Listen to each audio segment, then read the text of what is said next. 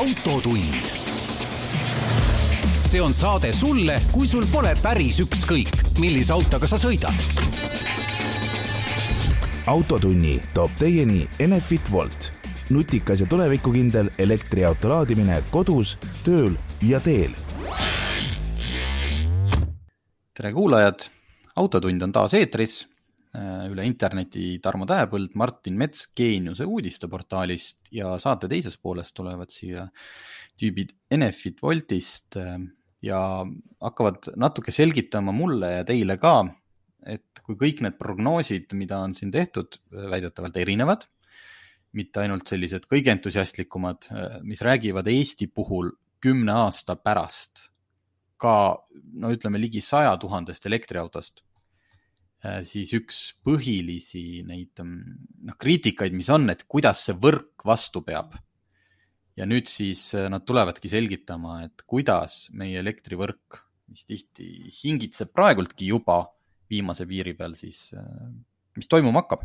aga ennem seda teeme natukene uudiseid Eestist ja mujalt ja teeme oma iganädalase ülevaate, mis siis imestama pani ma ei tea, Martin, tahad ise seekord alustada, muidu ma räägin jälle kohe saate alguse täis. Äh, võin alustada küll, vaat meil olid siin päris ilusad ilmad, nüüd, nüüd praegu kui aknast välja vaatan, siis sajab vihma, ilmselt sajab üle tänase päevaga, enne seda olid päris mitu ilusat ilma. kohe oli näha ka seda ka liikluses, et, et minust sõideti palju rohkem mööda kui tavaliselt mis aga, aga see selleks tegelikult, mis veel rohkem torkas silma, oli see, et tõuksid on nüüd tänavatel ja tõukse, mulle tundub, on rohkem kui kunagi varem ja, ja nendega arvestamine on, on palju keerulisem kui kunagi varem, sest nad on nii, nii ettearvamatud. ma isegi, mul õnnestus näha sellist, sellist asja, et kus ma olin ise küll olin jalamees, aga Tallinnas merepuiesteel ülekäigurajal kaks Bolti tõuksi põrkasid kokku, üks tuli ühelt poolt, tegi vasakpööret, teine teiselt poolt tegi parempööret ja keset, täpselt keset äh, seda ülekäigurada põrkasid nad kokku. Äh, ja sina oleksid pidanud astuma juurde ja õpetlikult ütlema ja mida me sellest õppisime? ma arvan, et. kellel on keegi, eesõigus?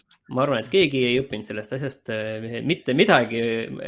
aga, aga ütleme niiviisi, et see nagu näitab väga hästi seda olukorda ja noh, minul siin küla vahel on ka ATV-d on ju, et, et ja nendega sõidavad inimesed, kes, kes ilmselt nagu suurt nagu liiklusreeglitest ei tea, sellepärast et nad ei ole nendega kokku puutunud, et mul on siin näiteks üks üks äh, ristmik, kus peatee suund muutub ja, ja kui mina tulen peatee suunast ja, ja mulle vastu tuleb äh, kaks ATV-d, kus ilmselt on äh, alaealised juhid, siis noh, nemad sellest peatee suunamuutusest suurt midagi ei tea ja pigem tahaksid otse mulle vastu sõita, kuigi minul on äh, õigus seal vasakpööre teha.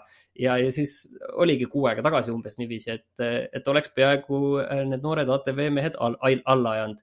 ja, ja noh, tegelikult ei taha ju kellegi otsa sõita või, või kellegi vigastusi või surma enda hingele. ja, et tegelikult kõik nagu selle liiklemise ikkagi palju keerulisemaks, et üldiselt autodega sa oskad arvestada ja autod on küllaltki ettearvatavad, on nende käitumine, autojuhtide käitumine, aga nende tuksijuhtide käitumine on niivõrd ettearvamatu igas olukorras, kus sa kasvõi, kus kasvõi tänaval näed, et kas ta nüüd sõidab siit üle, kuhu ta pöörab, mis ta teeb.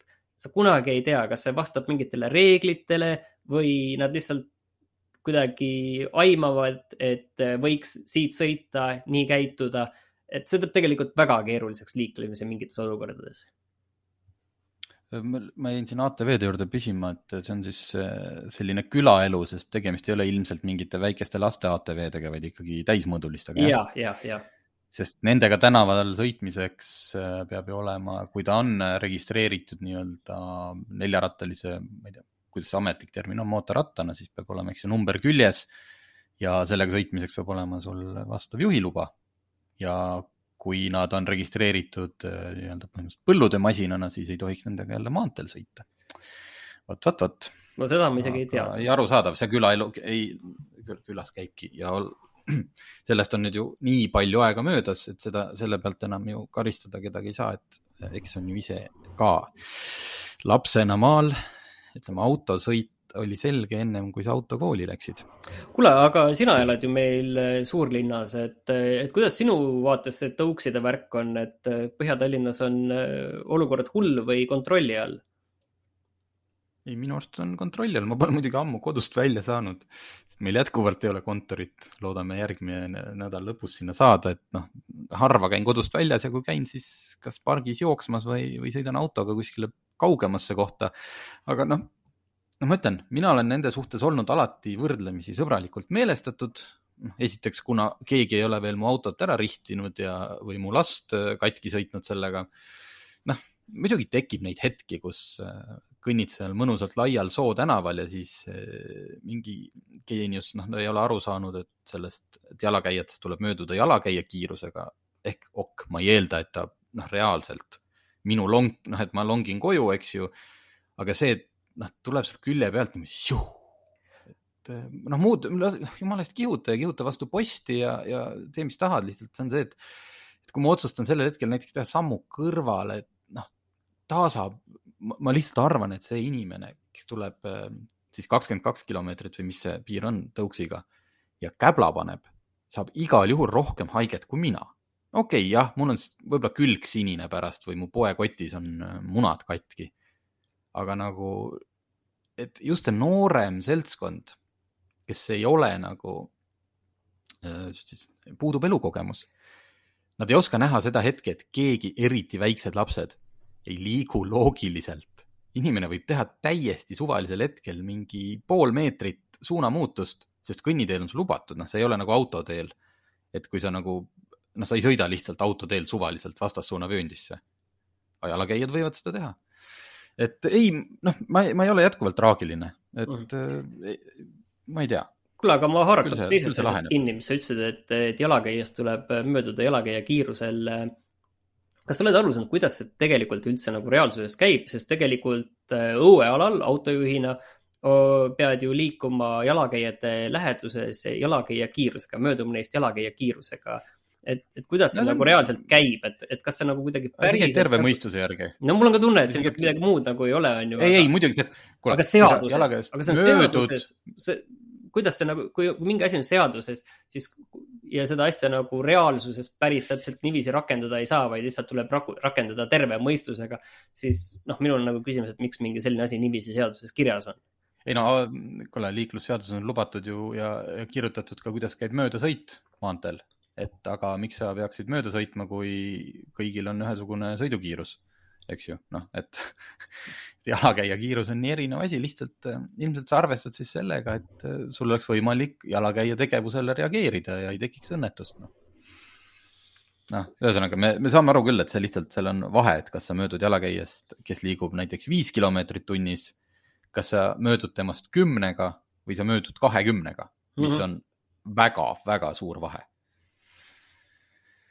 vot, aga lähme siis, mis minule, see vist ei olnudki tegelikult päris eelmine nädal, vaid juba ülemine nädal, et me rääkisime siin ükskord väga tuliselt teemast, et ähm, kui Transpordiamet on teinud ettepaneku, et ülevaatuspunktides peaks äh, nendel kontrollijatele kõigile panema peakaamerad lisaks nendele kaameratele, mis juba aastaid on, äh, sellepärast et äh, transpordiameti sõnul äh, liigub, on liikluses igapäevaselt viiskümmend tuhat autot, millel, mis ei ole tehniliselt töökorras või tähendab, isegi mitte see, et nad on peale ülevaatust katki läinud, vaid nad on läinud ülevaatusest niimoodi läbi, mis tegelikult, noh, et nad ei oleks tegelikult pidanud minema. Ja et seda vältida, siis kontroll, kontroll, kontroll, politseiriik ja suur vend, et äh, igale ülevaatajale veel peakaamera ka, et kui ta seal auto all siis sebib et tal ei oleks võimalik, äh, kartes siis enda töökoha pärast, ühtegi sellist ehku peale asja läbi lasta. Äh, sellele olid vastu põhimõtteliselt alati kõik, alates tehnoülevaatepunktidest kuni, äh, mis oli siis see AKI, mis see on? andmekaitse Inspektsioon. andmekaitse Inspektsioon, kes ütles, et see on ikkagi suhteliselt räige selline privaatsuse rikkumine, alates sellest, et noh, et kui ta vaatab seal autos oma peakaameraga, siis jääb peale, eks ju, et kas seal autos on lapsetoolid ja noh, kõik see. pluss siis ka ülevaatuspunkti töötaja enda jälgimine. aga mis no, siis nüüd sai? sai see, et hundid, lambad, oota, see hundid söönud lambad terve. transpordiamet andis pressiteate, transpordiamet söö, seo-, issand, ma ei suuda täna hommikul rääkida, soetab kolm komplekti personaalseid kaameraid ja võtab need kasutusele tehnoülevaatuspunktidele järelevalve teostamisel. palju on Eestis Ehk... tehnoülevaatuspunkte? ei tea, aga ilmselt Saab. oluliselt rohkem. ehk siis äh, loobusime kohustusest kasutada neid niinimetatud peakaameraid igapäevaselt kõigis tehnoülevaatuspunktides.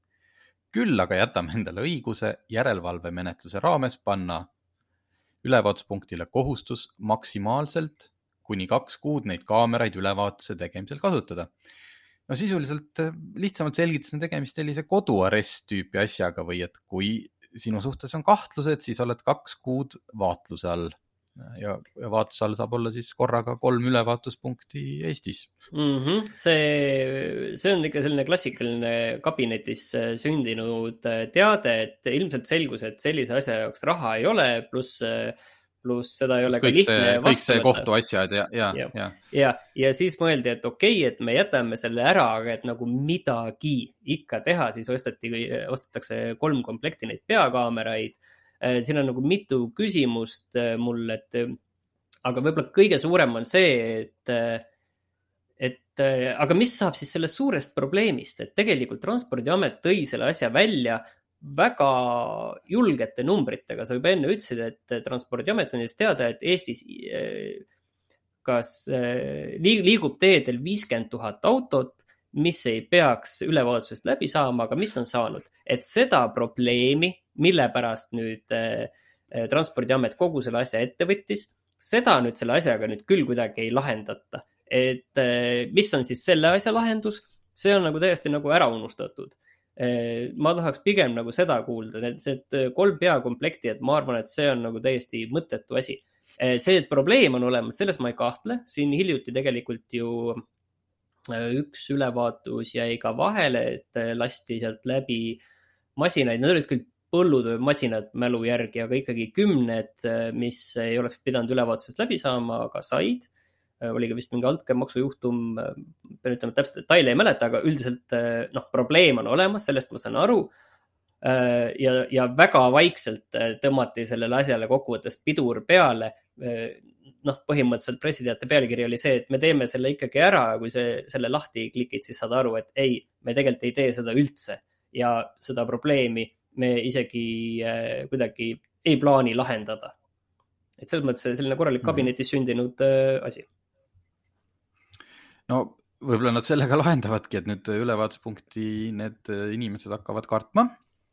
Nad hakkavad kartma, et neile antakse. jah, et meile tuleb et jah, meile tuleb kaamera nüüd majja ah,. ja siis äh, nendele, kes käivad äh, kaheks kuuks tuleb kaamera majja, on ju, ja, ja siis nendele, kellel on äh, ülevaatuselt on vaja altkäemaksuga läbi saada, nendele öelda, et kuulge, oodake nüüd kaks kuud, on ju, tead siis, siis meil on praegu need et see, see ei ole ka asi, mida kuidagi äh, ülevaatajad ei teaks, et neil see kontroll peal on, sest neil on see kaamera peas. et äh, ma, minu meelest see on selline täiesti mõttetu asi, ma ei näe, et sellest midagi head sünniks seda, seda, sellega ma olen põhimõtteliselt nõus ja ma siiski arvan, et see viiskümmend tuhat, see number, äh, ma ei, ma ei ütle, et see on äkki tegelikult kakskümmend viis või tegelikult kümme tuhat, aga lihtsalt Äh, ma arvan, et mitmeski asjas on Eestis äh, see ülevaatus või need reeglid kas kuidagi jäänud ajale jalgu, kas tarbetult karmid, noh, ühesõnaga, et, et see viiskümmend tuhat on ilmselt see, kui sa, kui sa ajad näpuga nagu järge, et su, et see, et see auto väljub sealt ülevaatuspunktist, noh, põhimõtteliselt võimalikult ideaali lähedasena. ehk et äh, noh, alates sellest, et keegi on kuskil natukene mingit tuuningut teinud, võib-olla on kellegi mm, see klaaside läbipaistvus protsendi võrra või ma ei tea, kuidas seda seal hinnatakse, kas üldse silma järgi või on selleks ka mingi masin. noh, eks ju mingid sellised äh, asjad, mis tegelikult reaalselt ei ohusta igapäevaliikluses mitte kedagi. ja nagu me tookord ka rääkisime, siis äh, paljudes riikides ja me tõime muidugi naljana näiteks, eks ju, kohe Venemaad, kus tahetakse see ära kaotada üldse ülevaatuse kohustus, aga tegelikult asja uurima hakates ka, vist oli äkki pooltes Ameerika osariikides ei ole sellist äh, ülevaatuskohustust. kontrollitakse seal vist natukene heitgaase ja mingid asjad on, aga et, et ma arvan, et see viiskümmend tuhat tuleneb sellest, et meil on lihtsalt nii, nii karm see kord. ja paljudes asjades ma arvan, et see ei peaks nii karm olema.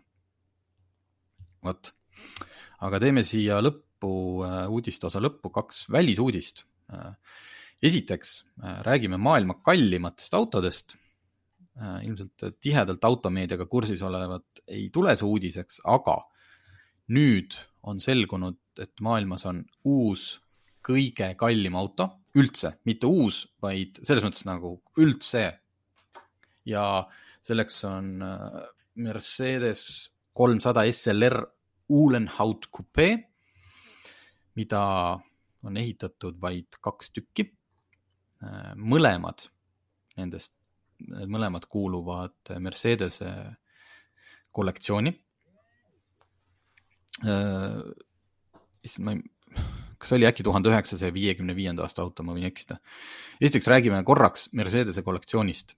et mina olen käinud Schlumpf Collection ehk Prantsusmaal äh, on üks automuuseum, kus on väljas umbes nelisada autot. peetakse sellist Euroopa suurimaks äh, automuuseumiks, aga on olemas erakollektsioonid ja põhimõtteliselt kõige suurem kollektsioon autosid peaks olema Mercedesel, äh, umbes tuhat ükssada autot see on erinevates äh, hoonetes, osa on nendest eksponeeritud, aeg-ajalt tuuakse mingi temaatilise näituse jaoks välja, aga enamik on neil lihtsalt äh, sisuliselt, no nimetame seda arhiiviks. et sul on, äh, sul on lihtsalt sadade ehk siis nüüd juba tuhande auto kaupa nende arhiivi, mis autost nad tootnud on. ja ma kuulasin eile üks järjekordsetest mu lemmik podcast idest, Spike's Car Radio kus Johnny Lieberman rääkis, et ta käis äh, seal Saksamaal, äh, nägi neid kollektsioone ja siis on, kas see on ladu number kolm. ja sinna sisse ei lasta või see ei ole nagu selline koht, kuhu ajakirjanikke aeg-ajalt viiakse. ja naljaks või see, et la-, laos number kolm pidid olema kas enamus või siis kõik sellised natsi-Saksamaaga seotud autod. ehk siis äh, autod millel on selles mõttes autona ka ajalooline väärtus. aga üks osa sellest on ka, et need on kuulunud seal, siis natsiladvikule, mingid Hitleri autod ja nendega lihtsalt ei taheta, noh, neid ei taheta demonstreerida, noh, nagu demonstratiivselt neid põlema ka ju ei hakka panema. Sisuliselt see, mis oli, mis Johnny Lieberman, et talle nagu põhimõtteliselt öeldi, et noh, vaatame, võib-olla ootame sada aastat veel, kuniks saab neid kas siis müüa või näidata ilma, et noh, ühesõnaga see põhimõtteliselt, et mingine noh, natsilembene ei ostaks omale rõõmsalt Hitleri autot, millega ta siis saab hakata nagu just sellepärast, et see on Hitleri auto, aga äh, lähme siis selle maailma kallima auto juurde.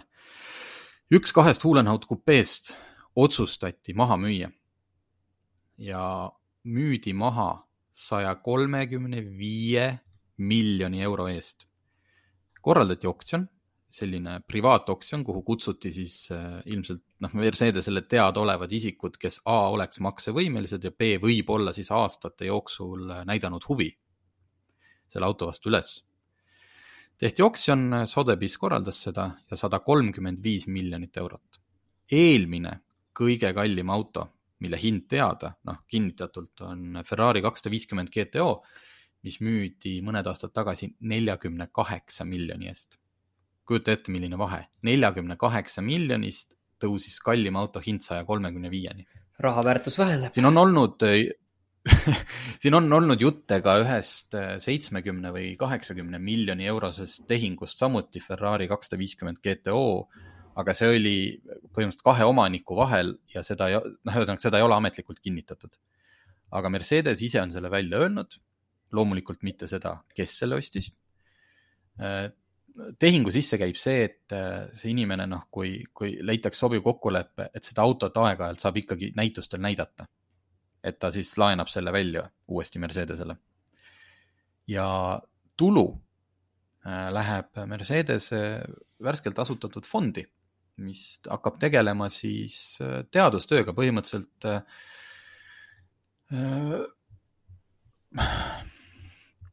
Äh, inseneride ja, ja sellise hariduse toetamisega kõik need süsinikheitmete keskkonna, õhust eemaldamise uuringud, selline fond luuakse, et, et, et kõike seda hakata toetama selle saja kolmekümne viie miljoni euro eest.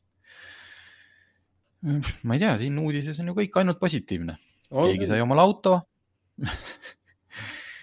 ja siis teine kalli auto uudis on see, et paar aastat tagasi ehitas äh, Rolls-Royce, isegi mitte paar, peaaegu viis juba, või ütles, et hakati ehitama ühte erimudelit. Äh, Rolls-Royce Boattail, mis on sellise natuke kiirpaadi tagaosa välimusega suur Rolls-Royce'i kabriolett. Ja väidetavalt oli toona selle hinnaks kakskümmend kaheksa miljonit dollarit ehk siis kakskümmend kolm miljonit eurot praeguses vääringus ja noh, ainueksemplar, maailma kõige kallim uus auto, mis on niimoodi tehasest väljunud. vähemalt minul jäi toona mulje, et tegemist on ainueksemplariga. räägiti toona, et tellijaks oli muusik Jay-Z ja vist, kas tema abikaasa äkki oli Beyonce. aga nüüd näidati teist Boattaili ja jutt on praegu selline, et neid ehitatakse kokku kolm ja ainult kolm ma ei tea, võib-olla oli kogu aeg kolm alguses plaanis ja räägiti ja mulle jäi lihtsalt mulje, et tegemist oli ainueksemplariga, aga näed, kui saad auto eest küsida ikkagi kakskümmend kolm miljonit eurot ja ostjaid leiad, siis võib ju paar tükki veel teha. äkki siis esimese tellijale tehti väike ale, et tal ei oleks ainuke maailmas. ja see teine auto, selline roosakas äh, pärl, pärlikarva on äh, seda õigustatult, sellepärast et selle ostis üks pärr, kuidas ma ütlen, pärliäriga tegeleva perekonna eh, liige ehk siis mitu generatsiooni pärli business'it teinud pere ja teise Boattaili, millal tuleb kolmas, seda veel ei tea. lihtsalt mõtlen, et nagu kakskümmend kolm miljonit eurot, et noh, see on täiesti käsitööna valminud, isegi noh, kuni selleni, et kereplekid äh, taotakse alumiiniumist vormi peal käsitsi välja no,. puhas sepatöö. sepatöö, et eh, mootor ja see kõik loomulikult tõstetakse ikkagi noh, nagu tavalisel teistel Rolls-Royce idel, aga kõik see puit ja nahk, et noh, aga, aga ikkagi ma mõtlen puhtalt, kui võetakse kokku need töötunnid ja siis liidetakse juurde kõik need pärlid ja väärtmaterjalid, selles mõttes siin autol ei ole nagu, ta ei ole külluslikult kaetud mingite teemantite või kullaga. noh, see, see, sellisel juhul saad aru, et no jumala eest, ma võin autoga saja miljoniliseks ajada, eks ju, kui ma selle katan teemantitega. vaid kõik on väga-väga maitsekas. et kui palju seal on ikkagi see puhas kasum, lihtsalt, mis Rolls-Royce võtab selle eest, et ta ehitab sulle sellise auto. Aga me ei saa seda mitte kunagi teada, kui me just ei pääse Rolls-Royce'i raamatupidamisele ligi. aga ilus auto igal juhul vot, ma ei tea. uudist ei, uudiseid on nüüd ju siin räägitud küll. aga et, ma saan aru, et teil tuli uus ajakiri välja. ah jaa, vot seda mõtlesin, mis mul siin lõpus kirjas oli. ootamatult kiiresti on ilmunud uus autoleht Ekstra ja kombeks ju teha väike sisututvustus ja see autoleht Ekstra on selline suvine ja keskendub sellistele hobi ja unistuste autodele. tegime traditsioonilise edetabeli, mis noh, seekord nagu on, kuidas ütlen, väga subjektiivne. et igaüks meist neljast pani kokku siis kakskümmend viis autot, igalühel oli oma hinnaklass, mina sain sellise kõige magusama kuni sada tuhat eurot. Et mida võiks sellise hinnaklassis osta, sisse muuseas mahtus ka mõni uus auto, aga lihtsalt, lihtsalt selline mõnus ideede generaator, et kui kellelgi ongi, seal on hinnaklassid siis kuni kümme tuhat, kuni kakskümmend viis, kuni viiskümmend tuhat ja kuni sada tuhat. et kui teil vastav selline summa kuskil äh, sügeleb, et noh, tegelikult tahaks ju mingit ägedat autot, siis tasub see ekstra osta. Et saada sealt mõtteid, siis on seal äh, suur lugu äh, meil ähm, partnerilt Autopilt, kus võrreldakse siis elektriautot ja samaväärset bensiiniautot hästi erinevates klassides. põhimõtteliselt kulud, mis nende head, halvad küljed. siis pääsesime Eestis ühe väga laheda kollektsioon, kahe äh, kollektsioonile ligi. üks on vanad sellised homologatsiooni ralliautod, Ford Escort Cosworth, Mitsu Evo kolm, Impreza ja teine on äh, Oleg Grossi, kuidas ma ütlen siis, automuuseum, mis minu teada vist tegelikult äh, tehakse ka ikkagi lahti avalikkusele. ma ei tea, millal ja kuidas, aga me saime sinna ligi, Oleg Gross räägib oma autodest ja seal on ka veel muid teemasid, nii et soovitan osta, see peaks olema äkki nüüd reedest, mis on siis kakskümmend seitse mai äh, lettidel, minge vaatama. Mõnus sihuke pikk lugemine, saate, saate terve suve seda sirvida ja häid mõtteid koguda. vot, aga nüüd tulevad stuudiosse inimesed Enefitist. Ja hakkavad rääkima, kuidas meie elektrivõrk kannatab välja sada tuhat uut äh, elektriautot. Nii ja nüüd on stuudiosse tulnud Gert Pääbo, Enefit Bolti äriarendusjuht ja Rasmus Armas, kes on varahaldusjuht Elektrilevis. ja nagu ma saate esimeses pooles rääkisin, äh, siis äh, arutame või õigemini hakkavad nemad mulle selgitama, kust tuleb kõik see võimsus. et äh, prognoositud, kümne aasta pärast prognoositud umbes sada tuhat elektriautot Eestis kõik elektriga ära toita. Gert, ma kõigepealt küsiks kust see sada tuhat on pärit, kas see on teie arvutus, on see mingi Euroopa Liidu number, on see unistus? ja tegelikult meie enda, tere minu poolt ka jah, et äh, meie enda prognoosid tegelikult ei, ei näe ette äh, nii-öelda baasstsenaariumis, et kaks tuhat kolmkümmend on sada tuhat autot. et need on nii-öelda siin erinevaid väljaütlemisi, mis on olnud, et see sada tuhat on sihuke optimistlik. et tegelikult need prognoosid, mis me siis ise kasutame Äh, suures pildis võttes arvesse ka International Energy Agency Outlooki, siis ütlevad seda, et aastal kaks tuhat kolmkümmend on tegelikult circa viiskümmend tuhat elektriautot. -hmm. kas sinna alla loetakse siis ka pistikhübriid, mis ju paar tundi päevas ikkagi on elektriauto, arvestades seda, et noh, ta torgatakse seina? ja kõik loetavad autod siis -hmm.. okei no viiskümmend tuhat, praegult on meil vist see number äkki umbes kolm tuhat, et ta vist on, ei isegi üle nelja tuhande äkki on juba no, no kolme, kolme tuhande ringis on ju. jah, ühesõnaga ikkagi suurusjärkude võrra väiksem. suur, suur tee on veel minna. Kas seda võrk üldse tunneb, et kolm tuhat elektriautot Eestis on kuidagi või see on nii marginaalne, et keegi kuskil ei ole pidanud hakkama muretsema, et nüüd on vaja Eestis võimsust kuskilt juurde? no selles mõttes, et eh, kui me räägime tootmise osas, siis tootmise osas ta ei anna kindlasti sellist märkimisväärset efekti, et. et noh, millega endiselt tuleb arvestada, on see, et noh, kui me räägime siis kodumajapidamistest. Siis tegelikult kodumajapidamise vaatest äh, ei ole eramajades täna mitte mingit probleemi paigaldada eraldi laadija. Enda elektriautot laadida, küll on see, et enamus liitumisi eramajade puhul jääb seal kakskümmend, kakskümmend viis amprit et lihtsalt, kui on ka kodus teisi elektrilisi seadmeid, ähm, noh, mis üldjuhul on. et siis äh, me tegelikult ise soovitame äh, laadijat paigaldades ka dünaamilist koormusjuhtimise seadet.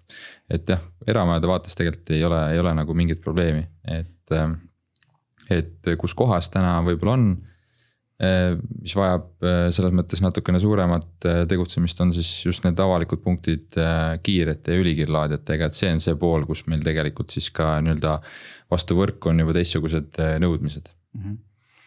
Rasmus, selleks, et natukene sellist pilti inimesed ette saaks, kui palju praegult Eesti see, ma ei tea, kas tarbimine või võimsus on üldse?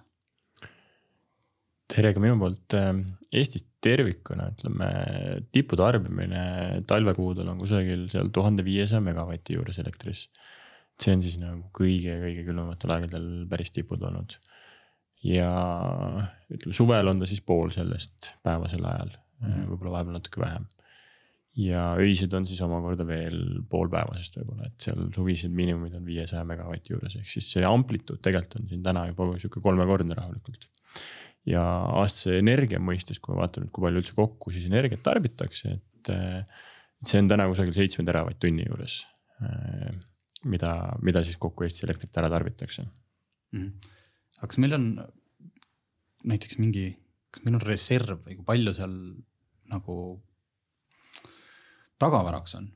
et üks hetk on nii külm talv või on ühtäkki kuri idanaaber keeranud kinni meie gaasikraanid. ja nüüd ma lähen ka ostan oma ruttu elektriradikaid mitu tükki koju, et palju meil reservi on? Äh, reservi on kindlasti ja, ja pigem siin tuleb vaadata seda, et, et, et mis ajal esiteks. Et kui me vaatame konkreetselt näiteks elektriautode poole pealt, siis äh, millal elektriautot ikka laetakse, tüüpiliselt tehakse seda ikkagi öösel. Mm -hmm.. vahet ei ole, kas ta on sul isiklik auto, lähed sa sõidad koju, laed seda kodus, on ta sul tööauto, teed tööpäev, päeval töö ära, paned ikka õhtul laadima, laetakse öösel seda. Mingi osa kindlasti laetakse ka päeval, kui me vaatame nüüd sedasama, mis ma enne ütlesin, meil on päevase öise tipukoormuse vahe äh, võib olla kaks korda, võib olla ka oluliselt rohkem. et kui me vaatame ka elamupiirkondi näiteks, siis need vahed võivad olla veel palju suuremad. ja, see tähendab seda, et sa saad ööl, öösel tegelikult äh, päris palju täiendavat elektritarbimist võrku panna, ilma et sul üldse võrgus tipukoormused tõuseksid.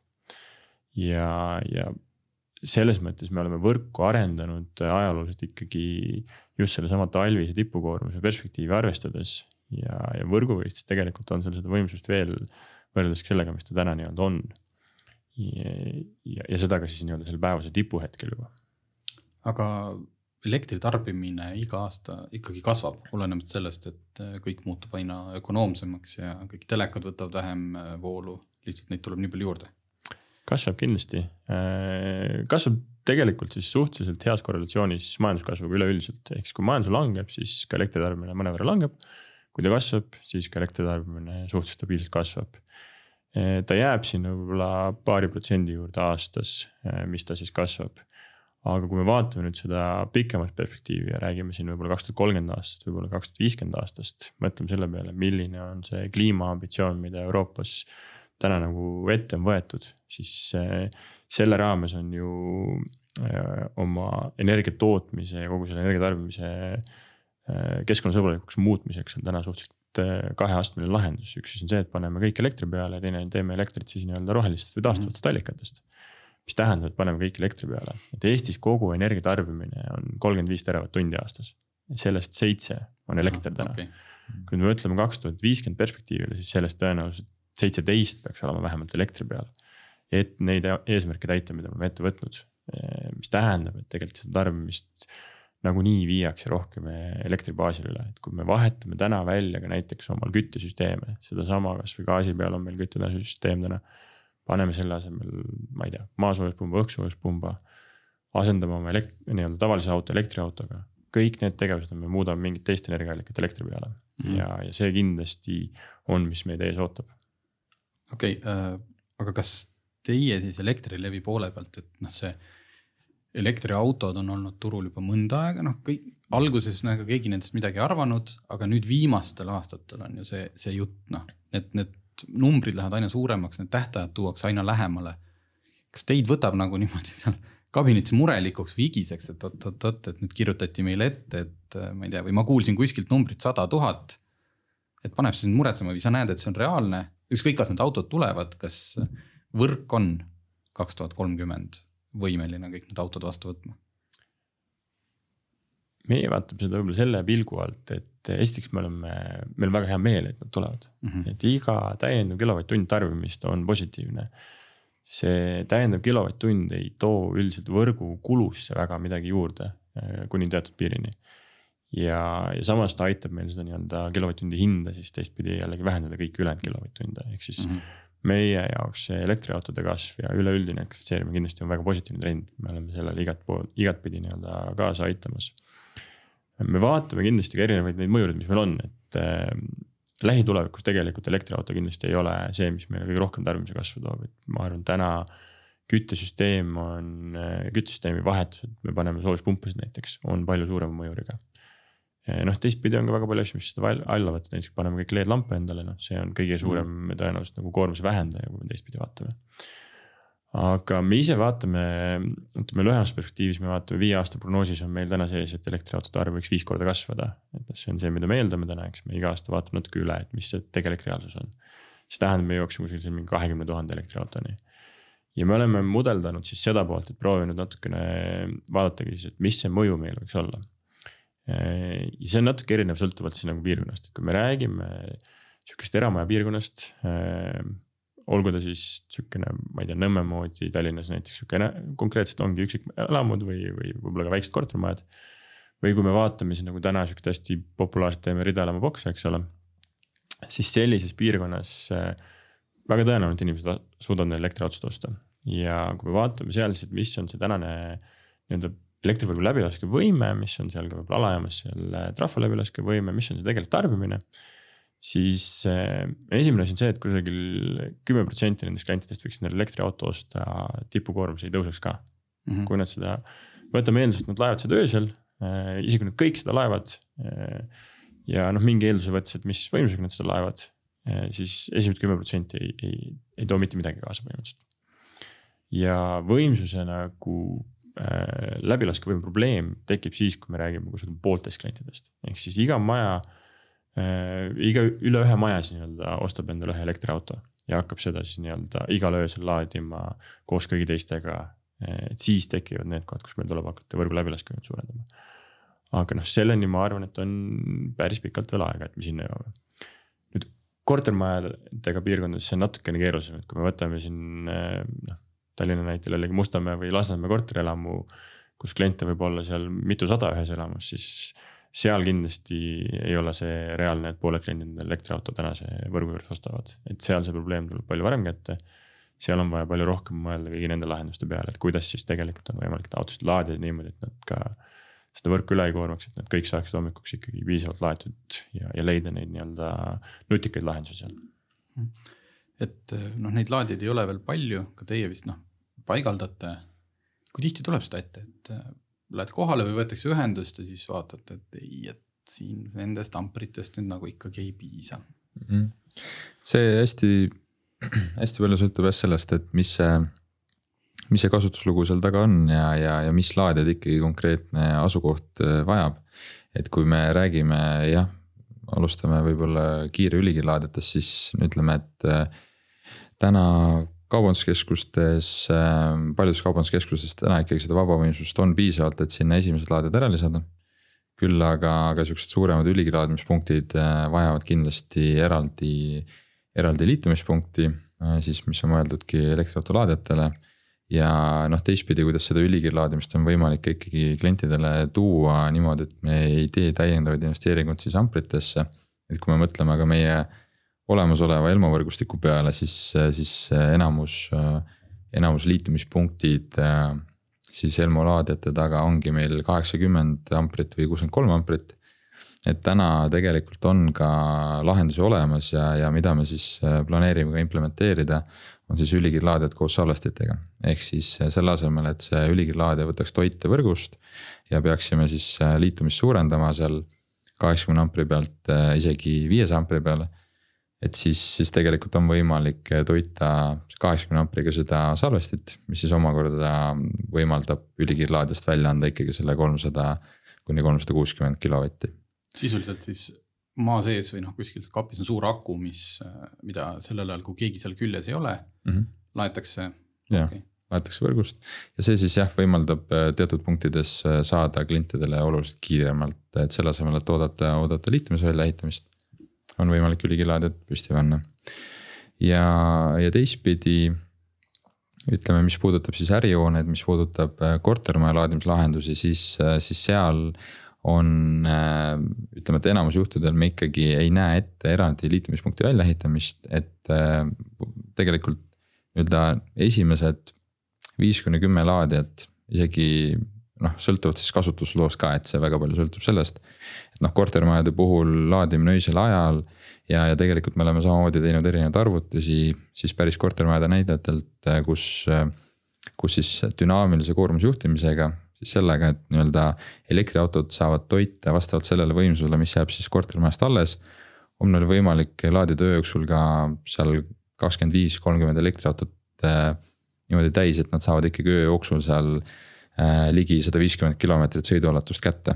et ja noh, kui me mõtleme, et selle, mis see päevane sõiduraadius on, üldiselt jääb sinna viiekümne kuni saja kilomeetri peale, et tegelikult on võimalik ka olemasolevate liitumistega kortermajas äh, seda targalt juhtides saada piisav sõidukogus päevaks.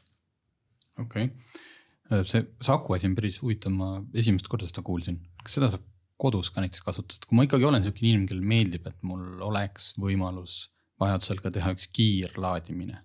Et kas see on kodukasutusse ka juba võimalik, et mul see üksteist kilovatti, aga ta laeb mul kogu aeg mingit äh, seadet, millega ma Porsche Taycani siis tulistan kolmesajaga täis, sest ma lihtsalt nii kiire inimene jah, see jah, teoreetiliselt on võimalik ja kui on raha, siis on, on kõik võimalik, et äh, lihtsalt see. nagu natukenegi lihtsalt... mõistlikus piirkonnas või ta on tegelikult noh, et Porsche Taycan on sada viiskümmend tuhat ja sihuke aku on sada tuhat, et noh, siis ta ei ole mõistlik. noh, tegelikult ütleme, et reaalselt ta ei ole, ei ole täna kindlasti mõistlik okay., et äh, see kodune laadimine ikkagi äh, noh, selles mõttes on, on ka, on ka täiesti tulemas ja on ka turul tegelikult meil nii-öelda madalpinge alalisvoolulaadijad, mis võimaldavad ka siis laadimist kakskümmend kaks kilovatti äh, ja kolmkümmend kilovatti selliselt, et äh, elektriautot ei laeta siis läbi selle nii-öelda pardalaadija, mis siis nii-öelda vahelduvvoolu mhm. laadimise puhul seda laadimiskiirust nagu piirab. et see on üks optsioon, aga ütleme, et nad on ka ikkagi täna seal kolm kuni neli korda kallimad laadijad kui siis äh, vahelduvvoolu laadijad, et, et nii-öelda lähiaastate perspektiivis on, on ikkagi see, et nii-öelda vahelduvvoolu poolkiirlaadijad on täiesti, täiesti sobiv lahendus siis koduseks laadimiseks ja öiseks laadimiseks kas võrgu poolelt äh, see, mida siis, millest tulevikku nähakse, on see, et kui kõik need elektriautod istuvad äh, juhtme küljes, siis nad vajadusel annavad seda voolu ka võrku. Äh, kas see teie poole pealt, kas seal on ka noh, ütleme siis Elektrilevi poolt mingeid suuri tehnilisi ümberehitusi või põhimõtteliselt, kui need autod saavad oma tehnoloogia valmis, siis teie poolest võib sealt nendest autodest see vool ka võrku tulla? Ehm, ma kommenteerin seda eelmist punkti ka korra ja, enne veel, et, et kui meie vaatame seda nagu tänast laadimist ja selle nagu piiranguid, siis äh, üks, mis tundub väga paljudele on kuidagi see, et, et, et selleks, et elektriauto osta, on jõle palju vaja teha ja mingeid amprid hakata ostma ja laadijaid ja kõiki muid asju tegema, et. tegelikult on ka palju lihtsam, et kui, kui me jätame korra selle nagu kortermaja kõrvale, kus sul esimese asjana vaja üldse ühistuga kokkuleppele saada, et kuidas sa teed seda asja mm, -hmm. mis on, on kindlasti nagu teinekord keeruline ülesanne aga kui me räägime nagu ikkagi eramajast, kus sul on nagu oma parkimiskoht, sa saad panna selle auto kusagile, vahet ei ole, kas ta on eramaja, ridelamboks või mis iganes lahendusena. siis äh, tüüpiliselt äh, need liitumisvõimsused on seal kakskümmend, kakskümmend viis amprit, millest tegelikult on, on täitsa piisav, kui me mõtleme selle peale, mida me sellega teha tahame. et ka kuue kilovatiga näiteks laadida, kui sa seda nüüd öösel terve öö laed, panete seal, ma ei tea, kell üksteist laed ja hommikul kell seitse hakkad tööle minema, võtad ära kaheksa tundi, ta laeb sinna akusse nelikümmend kaheksa kilovatt-tundi ja mõtleme, et sihuke kuusteist, seitseteist kilovatt-tundi on see nii-öelda saja kilomeetri energiakulu, mis autol on, siis see tähendab, et selle autoga saab sõita kolmsada kilomeetrit mm. -hmm. mille sa sinna sisse laed, et noh, kes me siis igapäevaselt sõidame üle kolmesaja kilomeetri. noh, tegelikult see, see barjäär on ikkagi nagu sellistes kohtades täna nagu väga madal, et selleks ei ole vaja isegi laadijat tegelikult osta, kõige lihtsam on. on ka sellise laadiga võimalik seda teha täiesti edukalt, et see käib tavalisse pistikupesasse. ja, ja noh, see on nagu esimene koht, mille peale tuleb mõelda, et, et eh, ülikiirlaadija ja tahaks oma, oma väga ägedat autot laadida seal viiekümne või saja viiekümne kilovatiga, noh, on, on ka nagu ambitsioon, aga, aga ma arvan, et ka kuue kilovatiga saab väga ilusti ööga selle kätte, mis sul vaja on. kui me nüüd vaatame seda teist poolt, et võib-olla ühel päeval hakkad autot tagasi andma, siis eh, see kindlasti vajab natukene toimetamist, et sel hetkel kui sa tahad hakata oma autost nagu eh, energiat välja võtma, siis tegemist on sisuliselt elektritootmisseadmega mm -hmm. ja iseenesest äh, ei ole ta midagi keerukamat, kui täna näiteks omale päiksepaneelid panna. et kui sa tahad täna elektrit toota, kas sa tahad enda tarbeks või võrku panna, siis sa pead liitumisprotsessi läbi tegema. ja noh, neid täna tuleb meil kusagil tuhat taotlust kuus sisse, eh, kui mitte rohkem. ja, ja Eestis on täna üle üheteist tuhande tootja olemas, et et seda protsessi läbi teha ei ole ka midagi keerukat ja meie vaates näeb ta täpselt samasugune välja nagu tavalise tootjaliitmise väljaehitamine täna päiksepaneelide puhul. on vaja arvesti ära vahetada, arvesti mõõdaks mõlemasuunalist energiat. ja kui nüüd tahetakse tõesti väga palju võimsust anda võrku, noh siis võib juhtuda, et on vaja ka võrgus midagi tugevdada. aga, aga pigem ma arvan, et elektriautode puhul see ei ole, et sa tõenäoliselt tahad seal võib-olla oma asjad äh, suuta ära katta ja, ja võib-olla mingitel hetkedel paindlikkusteenuste raames midagi ka muud teha, aga, aga seal kindlasti mingeid suuri piiranguid selles vaates ei ole tegelikult jah, see nii-öelda võrku andmine elektriautode poole pealt, eks see jah, võrku tagasi andmise laadijate vaade ka kindlasti nagu areneb, aga noh, need tänased äh, laadijatehnoloogiad, seal see tagasiandmise kiirus on, on seal suurusjärk kümme kuni kakskümmend kilovatti, et need ei ole tõesti nagu. Sellised võimsused, mis siis koheselt äh, eeldaks seda, et on vaja võrku, võrku tugevdada, et täna sihuke kuni viieteist kilovatine tootja, mida me siin nimetame mikrotootjaks, on, on see kõige lihtsam eh, meie oma võrgu arendamisel just sellesse panustab kõige rohkem, et iga inimene, kes tahab omale eh, kuni viieteist kilovatise paneeli katusele panna või, või ajada, siis temal oleks võimalus olemas ja see oleks ka mõistlike kuludega võimalik olemas. Kui räägime elektriautost, mis annab suurusjärgus sama palju energiat välja, siis noh, see mõju on samasugune, et, et ega seal nagu väga vahet ei ole mm. -hmm aga nüüd sellest äh, elektrist, mis meil täna on. Mm, minule peas äkki teil on, kui palju sellest on siis päriselt selline roheline? ja kui palju ta peaks olema siis, kui meil on siis ütleme kaks tuhat kolmkümmend aastal? Eesti kontekstis äh, on seal üle kolmandiku elektrist peaks täna olema, sõltub aastast natukene mm, -hmm. et eh, see on ajas kogu aeg meil tõusnud, aga elektritarbimise juures on ta, on ta üle kolmandiku täna, mis peaks olema taastuvatest energiaallikatest tulenev. Eh, see on iga aasta nüüd tegelikult eh, järjest rohkem kasvanud ja kasvab kindlasti tulevikus veel ja veel. aga see nõue, mis meilt, see on ilmselt ka kuskil Euroopas paika pandud, et mis numbrit me peaksime näitama aastal kaks tuhat kolmkümmend, et siis kui meil need ütleme Euroopa vaates pigem vaadatakse mitte seda, et, et palju siis nii-öelda konkreetset elektri tootmisest on äh, taastuvatest, et pigem vaadatakse seda, et mis on see nii-öelda süsiniku jalajälg mm, -hmm. kui mhm. palju me siis toodame näiteks CO2 või, või muid kasvuhoonegaase ja, ja seal on võetud eesmärk, et me eh, suudaks siis äh, kaks tuhat kolmkümmend aastaks viiskümmend protsenti vähendada võrreldes siis nagu tuhande üheksasaja üheksakümnenda aastaga ja noh, Eesti siin on paljude teiste Euroopa riikidega võrreldes kindlasti teinud kiiremaid samme, kui, kui teistel on seda ette näidata. ja, ja ega täna ka see plaan on väga suur, aga lihtsalt võib-olla nagu võrdluse mõistes, mida see tegelikult tähendab, kui me vaatame siin kaks tuhat kolmkümmend, kaks tuhat viiskümmend aastat, et äh, aastat kaks tuhat viiskümmend selle ambitsiooni ära äh, täitmiseks on vaja ehitada sama palju elektritootmist juurde, kui senimaani on nii-öelda traditsioonilist, kas siis nagu Eesti kontekstis põlevkivist mm -hmm. kivisöest mujal maailmas. Sama palju uut tootmist juurde ehitada, kusagil tuleb see panna, kusagil tuleb see ehitada ja selleks ei ole ka väga pikka aega antud mm, -hmm. et mhm. see selleks ajaks toimiks. okei okay., kodus ma saan praegult ikkagi, maksan natuke rohkem, mul on roheline nii-öelda roheline pakett, et seda on rahul. kas ma saan praegult avalikes laadijates ka? on, mis, mis särt sinna sisse tuleb? seal, seal valikut ei ole, et tuleb. seal, seal ongi roheline. okei okay,, nii mm -hmm. et kui, kui need inimesed, kes ütlevad, et noh, mis ma sõidan selle elektriautoga, et kui, kui, kui mm, -hmm. kui Narvas ikka tossab. ja ei noh, selles suhtes, et ja, et ega, ega noh, meil avaliku võrgu vaatest see asi jaguneb nagu kaheks, et. ühtepidi meil on avalikud laadimispunktid, mis on siis meie enda liitumistega mm, -hmm. suurem osa siis jah, nii-öelda Elmo taristust kus on ka meil endal elektrileping ja, ja teine pool siis avalikest laadijatest on siis asukohapartnerite läbi. et äh, ja kus me siis ostame kasukoha partneri vaatest, noh sama elektrit, mis, mis tema elektrilepingus on. aga me tagame siis selle elektrikoguse roheenergia sertifikaatidega, kus me siis ise mm -hmm. konkreetset elektrilepingut ei oma. nii et põhimõtteliselt äh, meie võrgu poole pealt oleme me tegelikult saja tuhandeks elektriautoks valmis. ma arvan, et kui neid nutikaid võrku panna, nutikalt võrku panna ja, ja teha seda sellise nagu eh, mitte lihtsalt hurralahendusena, siis kindlasti, et. üks asi on, eks ju, võrguvõimsus ja teine on puhas lihtsalt infra, et kas iga konkreetse majani tuleb noh, piisavalt jäme traat, et sealt võib nagu takistusi üksikisikul tekkima hakata, et noh. meie majal ei ole sellist võimsust, et nüüd me noh, mina näiteks elan kortermajas, kus meil on nagu ikkagi väga napilt, et nii kui tundub, et hakkab jälle väheks jääma, eks me siis ostame ampereid juurde. aga, aga suures plaanis on see võimsus olemas. ja suurtes piirides on ta ikkagi nagu olemas, et äh, keerukad kohad ongi tõesti need kohad, kus me räägime suurtest kortermajadest, äh, kas need on siis äh, nii-öelda magalapiirkonnad või siis, kui me räägime võib-olla väga suurtest laadimisvõimsuse soovidest kusagil äh, siis nii-öelda ülitihe asustus, ehk siis ma ei tea, Tallinna täiesti südalinnast tahame hakata sinna tuhandeid ja tuhandeid autosid korraga laadima panema. no põhimõtteliselt igas parkimismajas, iga auto ees on äh, laadija. noh, see on juba, eks ju, ühes majas, ma ei tea, viissada autot, see juba annab tunda vist.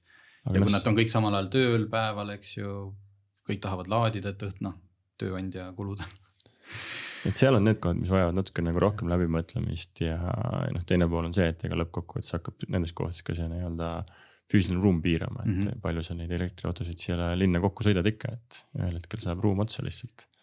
Huvitav näite, et äh, Ameerika podcast'is, noh ka seal on see ju kuum teema, et noh, et okei okay,, kõik ostame nüüd elektriauto, aga kust me selle võimsuse võtame, siis keegi tõi tegelikult päris huvitava lahenduse välja, et ma ei tea, kas see oli kuuekümnendatel, seitsmekümnendatel millal leiutati kodukasutuse konditsioneer.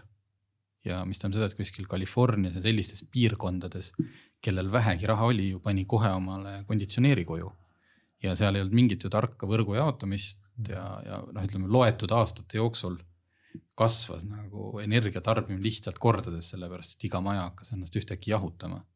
ja ka kuidagi noh, ei, ei mäleta seal vanemad mehed, et oleks olnud mitu nädalat black out'i sellepärast et elektrit ei jätku, et.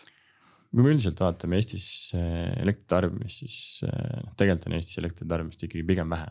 et kui me vaatame oma võrgu mahtu võib-olla selle võrgu läbilaskevõimet, siis Eestis on eh, elektri tarbimise ikkagi suhteliselt madal, meil on väga vähe tarbimist. ja seda sel põhjusel, et Eestis on lihtsalt suhteliselt ka vähe sihukest suurt tööstust mm. -hmm. et kogu Eesti nii-öelda tarbimist, kui räägime elektri tarbimisest, eh, vaatame siin eh, meie võrku tulevat energiat, siis kusagil kaks protsenti meie klientidest tarbivad kaheksa protsenti energiat ära. okei okay.. et kogu see nagu kodud, kortermajad ja noh, nii-öelda väiketeenusettevõtted on kõik see ülejäänud kakskümmend protsenti, noh, neid on siis nagu üheksakümmend pluss protsenti kliente, et see proportsioon on tegelikult nagu hästi hästi palju selle poole kaldu, et, et tegelikult võrgust Eestis käib suhteliselt vähe energiat läbi, meil on väga palju sihukest hajaastust ka veel pealekauba. et selles vaates meil võrgus on kindlasti vaba võimsust, meil on võimalik Eestis sellest võrgust rohkem energiat läbi lasta ja see on, on pigem väga hea et mahub andmepanku ja krüptokaevandajaid mahub absoluutselt. et et jah, isegi kui me räägime sellest optimistlikust väljavaatest, et eh, kui tõesti olekski eh, kaks tuhat kolmkümmend eh, sada tuhat elektriautot, siis kogu Eesti, Eesti siis elektritarbimisest moodustaks need elektrisõidukid endiselt alla viie protsendi, nii et nii tootmise vaatest nii-öelda, nii-öelda suurt mõju ei ole. Ja, ja teistpidi on tõesti oluline, et me ühendaksime need elektriautod võrku targalt, täna siis suuresti läbi läbi selle, et me jagame laadijate elektriautode vahel seda võimsust targalt ära ja kasutame oma olemasolevat ressurssi maksimaalselt siis. ja, ja teistpidi, kuigi tarbimine suureneb, siis äh, tuleviku vaatest äh, me näeme nagu elektriautosid väga hea allikana, kuidas on võimalik meil tegelikult ka olulistel aegadel just, kus seda tootmise poolt äh, on siis võrgus vähem. ka elektriautodest tagasi võrku on, et, et see on tõesti see suund ja elektriautod Äh, omavad suurt potentsiaali tegelikult võrgu vaatest. okei okay,, aga ma arvan, et vist äh, selles osas on praegu pilt ees ja kellel oli nüüd see mure, et kust, kas ikkagi elektrit jätkub, siis äh, hetkel nüüd see mure on maas, jätkub küll, võite osta elektriauto. aitäh, et tulite. autotunni toob teieni Enefit Volt, nutikas ja tulevikukindel elektriauto laadimine kodus, tööl ja teel